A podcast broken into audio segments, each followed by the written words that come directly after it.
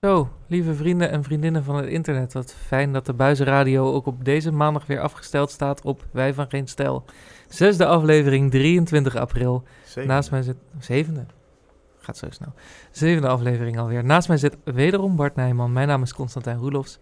En eh, dit was natuurlijk het weekend waar eh, alle boze blanke mannen weer eh, parken en stranden en tuinen gingen bezetten met een wat leuks, barbecue. heb jij nog wat leuks gedaan? Een huis gekraakt of zo? ik heb geen huis gekraakt, nee. Is dat niet met de identitaire opgehokt in de, in de Rudolf Dieselstraat? Nee, nee, nee, want we gaan meteen weer hier naar Amsterdam. Ja. Naar kraaknieuws. Ja, nou ja, eh, na de, de, de, de We Are Here actiegroep uitgeprocedeerde asielzoekers, die zitten nu in de, die weigeren nog steeds op te tieven. En die hebben zelfs extra huizen toegeëigend, want ze zitten nu in de eerste van Swindenstraat, om de hoek bij de Dappermarkt. Hebben ze ook een eh, leegstaande winkelpand, hebben ze daar eh, tot zich genomen, zich toegeëigend. Ja, En wij kregen van een buurtbewoner een briefje doorgestuurd eh, waarin, eh, waarop staat te lezen dat zij natuurlijk eh, rustig in de buurt willen wonen en een goede relatie op willen bouwen. Ze maken graag kennis met buurtgenoten. U bent altijd welkom voor een kopje koffie of thee. Eh, ze zijn tevens afhankelijk van donaties, dus dat is bij deze een oproep om niks over te maken, wat mij betreft. ja. Ze gaan daar met 15 mensen wonen, zeggen ze. En eh, nou ja, ze, ze doen hun best om het een beetje leuk te houden. Maar dat hebben de lieve UvA-helper Whitey meisjes mooi getikt ja, voor een soort is, ja, precies. Ja, want het is volledig eh, in keurig Nederlands opgesteld. Nou, no way dat het een van die Via hier gasten zelf geweest is. Maar dat ze veel hulp hebben, weten we natuurlijk al. En het eh, ware gezicht van die club zagen we natuurlijk in, eh, eh, in de Rudolf Dieselstraat, waar ze al langer zitten. Ja. En het ware gezicht ging weer eens schuil achter een masker. Een zwart masker, ja.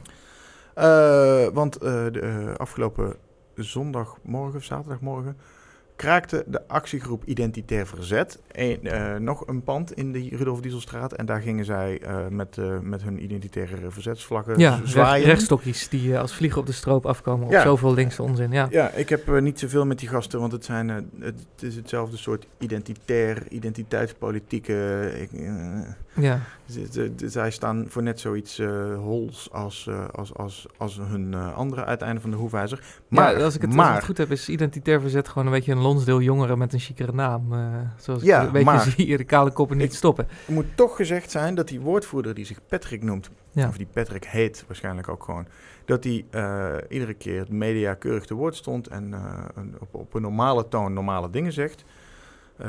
En ik, ik ben het toch ook wel eens met ze dat lui die uitgeprocedeerd illegaal zijn, niet zomaar ongestoord rustig andermans huizen zouden moeten kunnen Nee. Eh, en ze hebben tevens ook niet die woning waar ze zaten gekraakt. Ze hebben de sleutel gekregen van iemand die daar anti-kraak woonde.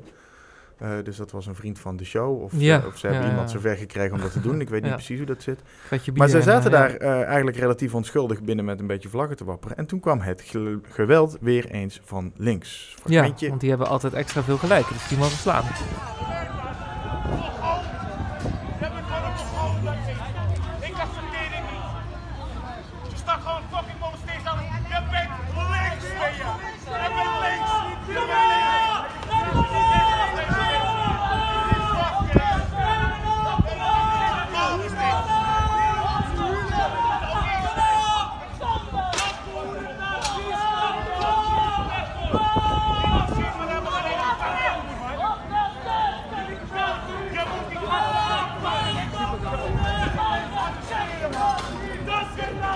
Wat viel je op in die video?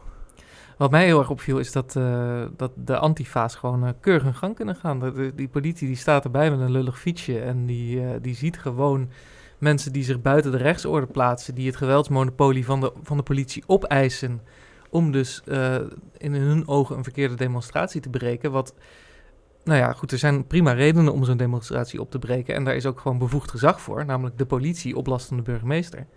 En eh, die, eh, die, die, die vinden het gewoon prima dat iemand gewoon hun werk staat te doen. Ja, En, gewoon ruiten staat in te nou ja, gooien. en niet eens eh, zozeer hun werk staat te doen. Want ze staan ja. in plaats van op, uit naam van het gezag op te treden, staan Ja. ze dus gewoon met vuurwerkbommen en met stoeptegels naar een woning te gooien om de mensen die daarin zitten te verjagen. Ja. Iets wat andersom dus nog helemaal niet is voorgekomen. Dat die mensen die, nee, nee, nee. die van die We Are Here groep, die zitten daar nu een week of twee en die hebben die huizen gekraakt. En er heeft nog nooit iemand daar een steen naar binnen gegooid of een, een rookbom of vuurwerk of iets anders fysieks geprobeerd om die lui naar buiten te krijgen. Anders dan eh, eh, verbaal je beklag doen. Ja, Eh, of het nou Diederik Boomsma van het CDA is of Annabel Nanninga van het Forum voor Democratie. Of gewoon burgers op straat of op internet hebben alleen maar gezegd ze moeten daar weg. Ze horen daar niet, ze zijn illegaal, ze zijn uitgeprocedeerd. Kraken is verboden. Al die eh, argumenten zijn ingebracht zonder dat iemand ook maar een vinger naar die lui heeft uitgestoken. En wat gebeurt er als die identitairen daar komen zitten? Dan staan er twee agenten met hun, met hun mountainbikejes. Staan daar eh, na te denken over eh, wanneer ze naar de volgende iftar moeten. Terwijl gemaskerde mannen in zwarte kleding Ja. met vuurwerkbommen en tegels naar andere mensen aan het gooien zijn. Met het risico op brand en weet ik veel wat er allemaal kan gebeuren. En dan, eh, dan, dan lees je s'avonds in het AD lees je dat linkse activisten extreem rechts hebben verdreven. Ja, ja, op, ja, en op, de, op teletext stond ook nog eens dat die illegale van We Are Here... dat dat ongedocumenteerde vluchtelingen zijn. Dat, gewoon, dat is gewoon extreem linkse framing. Dat Ja. is gewoon helemaal niet wat het zijn. Het zijn gewoon uitgeprocedeerde asielzoekers. Het zijn gewoon mensen die hier niet horen... omdat ze gewoon geen goede reden hebben om asiel aan te vragen. En, dan, en dat wordt dan door activisten worden dat ongedocumenteerde te doen, genoemd. Terwijl ze prima gedocumenteerd staan. Ze staan in de computer van het IND. eh, en daar staat flikker op. Maar ja, dus, dus dat is gewoon zelfs de teletext gewoon een, een redelijk sec nieuwsmedium. Gewoon die extreem linkse framing overneemt. En het is natuurlijk zo dat die politie ja, zo dat- in, maar in Amsterdam... niet? Maar goed, kijk, die, die, die krakersgeneratie van de jaren tachtig... die eh, geen woning, geen, of daarvoor nog geen woning, geen kroning types... die bezetten nu gewoon alle posities in, in de rechterlijke macht... bij de UvA, in de stopera, in het ambtenarenapparaat. Dus die, die kunnen gewoon niet optreden tegen extreem links krakersgeweld. Want dat is gewoon de compost waarop die hele generatie bestuurders op is opgegroeid. Ja. Dus je bent als, als, linkse, ook. Als linkse activist ben je in Nederland in wezen gewoon vogelvrij. Je kan gewoon maken wat je wil. En de politie staat erbij met zijn diversiteitstraining en zijn mountainbike en zijn goedgekeurde valhelm. Terwijl ja, gewoon het bruine tuig met, de met de, de molotovs loopt gewoon naar de straten. Ja, nou ja, de, de, de, de, het bruin, de, de donkere mensen tuig, zitten ja. in die huizen. ja. En het zijn de, die AFA-figuren, dat zijn gewoon allemaal blanke autochtonen. natuurlijk. ja, en het bruine tuig is natuurlijk weer de bruinhemden. En die zitten dan weer in die andere kraakgebieden te, te, te identitairen. Dus even alle kleurtjes lopen door elkaar. Maar, Maar ik hoop dat u het thuis die, nog begrijpt. Die identitairen die zijn dus eh, eh, vrijwillig en geweldloos gewoon weer vertrokken s'avonds. Degene waarvan ze dat huis hebben gekregen is zijn eh, sleutel ook kwijt. Die, Ja. die is zijn woning heeft hij terug moeten geven aan IJmeren. Ja. En daarmee heeft het geweld en de wetteloosheid eigenlijk gewonnen. En degene die daar ook nog steeds mee wegkomt is Josias van Aartsen. Josias van Aartsen, Die man- kartelfossiel Josias. Die man komt een paar maanden invallen en hij maakt een teringzooi van de hele stad. Kan die niet gewoon weg? Nou, het Parool had een prachtige line-up van allerlei, eh, ja, ja, kan niet anders zeggen dan, eh, dan mastodonten van het partijkartel. Ik zag Die, Paul Rozenmuller. Paul Rozemuller, wanneer worden we nou eindelijk eens van die. Bollinger Bolshevik verlost? dat is echt gewoon lekker met het geld van papi de linkse activist spelen. En dat gewoon al 30 jaar doen en tussen baantje naar baantje. Vreselijke man is dat. En, en Femke Halsema natuurlijk. Ja, ik ben persoonlijk ontzettende fan, fan van eh Fem. Ik, ik, ben, ik ben fan. Oh, man. Ja, mijn houten speelgoedjeugd krijg je er nooit meer uit in de VPRO. Maar ik, ik vind haar Jawel hoor. humor Gewoon een, en... uurtje, gewoon een uurtje Halsema kijken, dan ben je er zo van verlost. Nee, ik vind haar een bepaald gezag hebben, een bepaalde humor. En, en, en ze is niet zo'n enorme loopgraven, Humor. denk ik. Ja, ik vind haar een Vertel hele... eens één grap van Femke Halsema na. ja, dat niet. Maar ik bedoel, dat, dat stoop of dat, dat, dat debat in de stad Schouwburg... waar ze gewoon telkens weer Thierry Baudet zat te zuigen en uit te dagen... en dat hij er telkens weer hapte. Ik, vond dat, ik vind er een scherpe die beter. Ik vind er ook echt leuk, leuk overkomen. Oh ja, ze is wel een scherpe die beter. Dus, ja, ik, maar ze ik, is niet leuk. Goed, we hebben onze voorkeur. Ik heb gewoon een beetje een crush op Femi. Oh. Goed, Joop Wijn werd genoemd. Ook zo'n CDA die eigenlijk eh, ja, eh, vo- voornamelijk bezig is met, eh, met BV Nederland. Echt zijn, zijn lobbyarm. eh. Wat kregen we nog meer? Woutertje fucking Bos. Dat vond ik wel de Maar ergste Hoe kandidaat. zeg. serieus is die lijst? Ik bedoel, hebben ze gewoon eh, willekeurige greep in, het, in, in de draaimolen van het partijkartel gedaan? En Ja. mensen opgezond? Ja, of zijn ja. dit ook mensen waarvan je moet, moet vrezen of kunt verwachten dat ze daadwerkelijk op een lijst komen die kans maakt? Nou ja, je ziet, je ziet dat, dat, ze, dat ze dus hebben gekeken op, op partijpolitiek. Ze, hebben ook gekeken op eh, wat, er, wat er nog in, in grote semi-overheden rondhangt aan bestuurders. Dus eh, bij, eh, bij de grote ziekenhuizen, dat soort dingen. Grote, dus ook, ook van de, de universiteitenkoepel hier, dus de hele UvA, HVA, VMC-bende. Eh, daar hebben ze een paar eh, karteldino's uitgepakt. En eh, ja, voor de rest dus, dus burgemeesters die wel eens door mogen schuiven. Maar het wordt, Wat ook de grootste kartelmove is natuurlijk. Bijvoorbeeld Frank Weerwind, burgemeester van Almere, werd ook genoemd. Die nog is verbazingwekkend...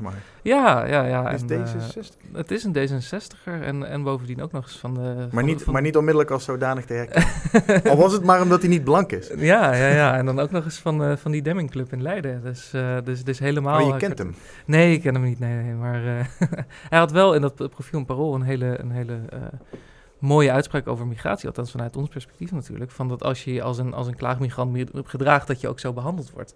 En dat je gewoon in Nederland je klauw uit je mouwen moet hangen en er wat van moet maken. Oké, die wordt dus nooit burgemeester. Die wordt dus nooit burgemeester van een stad met meer, meer wel- ambtenaren dan Noord-Korea het, natuurlijk. Het wordt toch gewoon ook echt Femke Halsema straks. het wordt... Die eh, roept zo vaak en zo hard dat ze blij is dat ze niet meer in de politiek zit. Dat ze gewoon Ja. echt... Ze loopt met een sandwichbord op straat. Pick me, Pick pick, me, me, pick me. Ja, nou ja, eigenlijk, eh bedoel, eh, het zou toch wel mooi zijn als het dan gewoon net niet wordt, weet je wel. Gewoon, ik zie de leedvermaak topics al ANP doorscrollen op, eh, op foto's Nou ja, van ik een ben- beteuterd ik hoofd. het een- ik vind het een draak van een wijf, maar ik, ik moet ook zeggen dat als ik moet kiezen tussen haar en Josias van Aartsen, nou Ja, ja, Femke ja. morgen maar. Ja, ja, ja, maar Josias van Aartsen heeft gewoon niet bijvoorbeeld... Femke Halsema weet gewoon heel erg goed wat vrijheid is, wat liberalisme is... en wat westerse waarden zijn. En Josias van Aartsen ziet gewoon jongetjes met IS-vlaggen door zijn straat rennen... en vindt dat op een of andere manier prima. ja, die zegt dan letterlijk dat er geen wetten zijn overschreden. Dat er geen, eh, Nee, nee, nee, nee. Maar die, die stond wel eh, vooraan bij Gregorius Nexel. Ja, dat is gewoon echt een hele foute baas, die van Aartsen. Ja. En, eh, En een laffe tak als het op echt iets eh, dingen aanpakken aankomt. En, en denk je dat, dat zo'n van Aartsen ooit gekozen was als de Amsterdammers zelf hadden mogen kiezen? Nou ja, dat is dus een beetje de kwestie. ja. Wanneer mogen we eindelijk onze eigen burgemeesters gaan kiezen? Want dat staat toch in het regeerakkoord. Ja, dat staat in het regeerakkoord. En Amsterdam er zou de beste proefcasus kunnen worden voor, eh,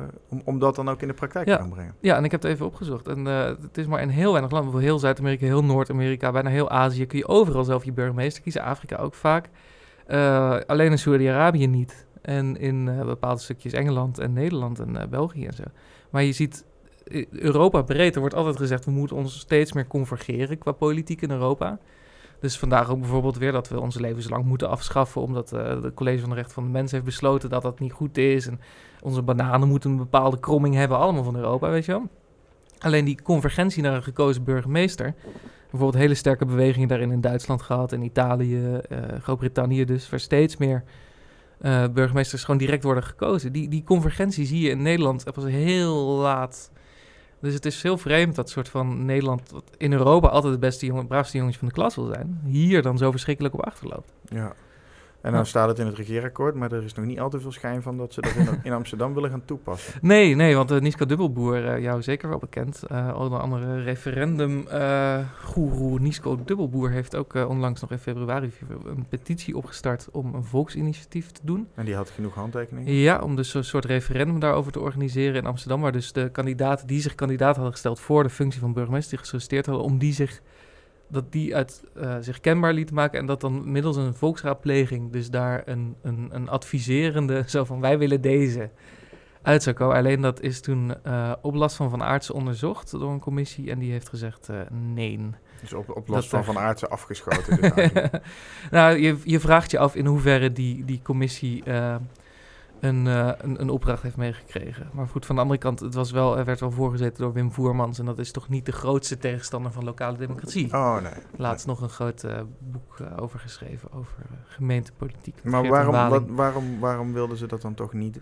Nou, omdat de juridische kaders daar geen ruimte voor boden. En uh, goed, dat gaat allemaal in legalese.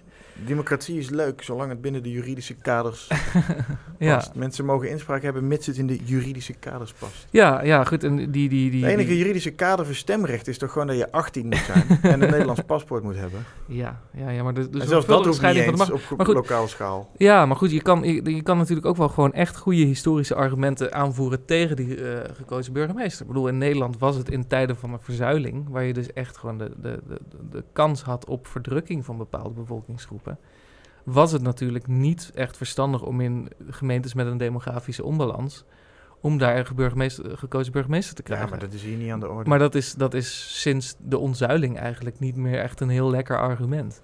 En zeker niet in een, in een stad die, die, die vreselijk divers is en achter, nooit een verzuilde achtergrond als Amsterdam. Nee, nee, precies.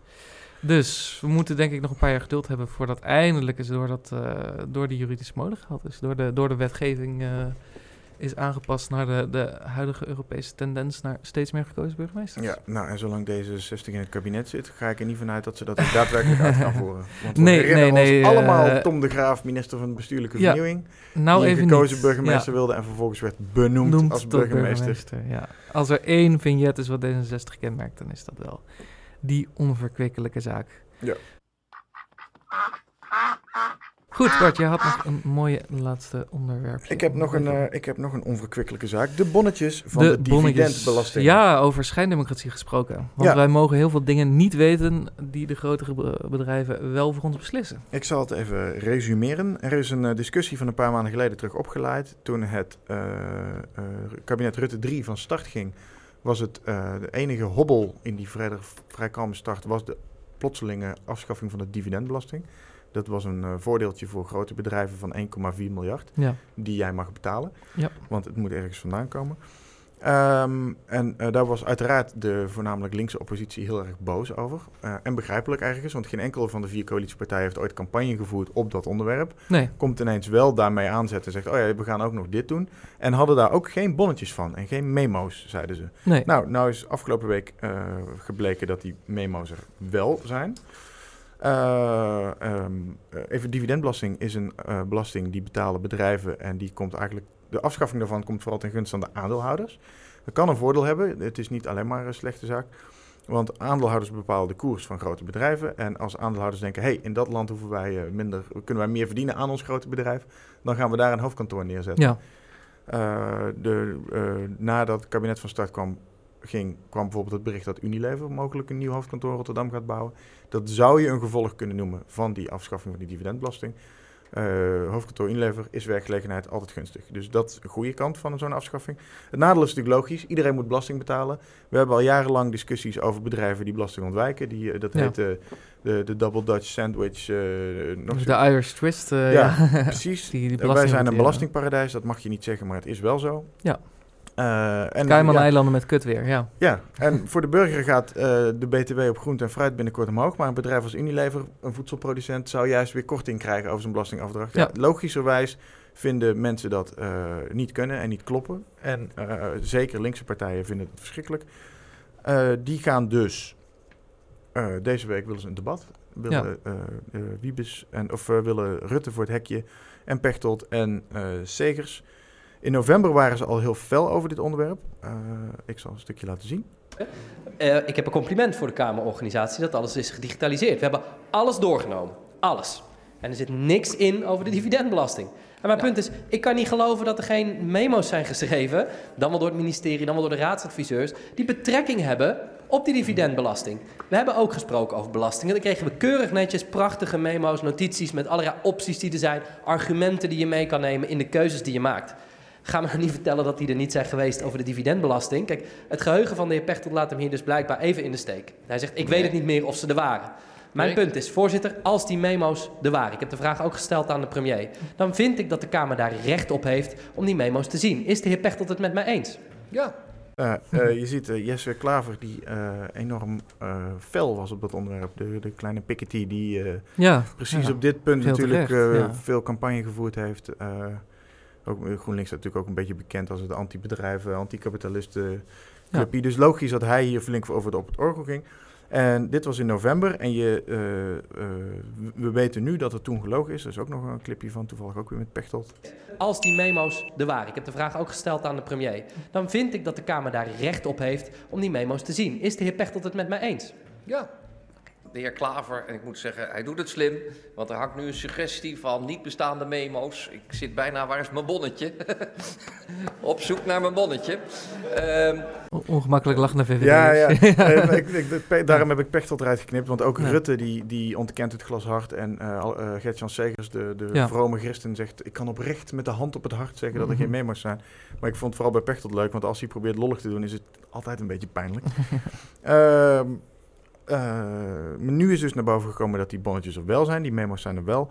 Eh, de coalitie is een beetje aan het vingerwijzen nu. Van ja, nou, eh D66-minister Koolmees, die was rechterhand van Pechtold bij de Hmm. onderhandelingen. Die zei, Ik heb nooit een memo gezien, die waren er niet. Die lagen op een zijtafel bij de fiscale specialisten, of in ieder geval bij, Ja, bij andere ja, mensen. dus bij Koolmees. Maar ja. Erik Wiebes, eh, VVD-staatssecretaris Financiën, belasting, de belastingman, die zei vrijdag weer, ik weet van niks.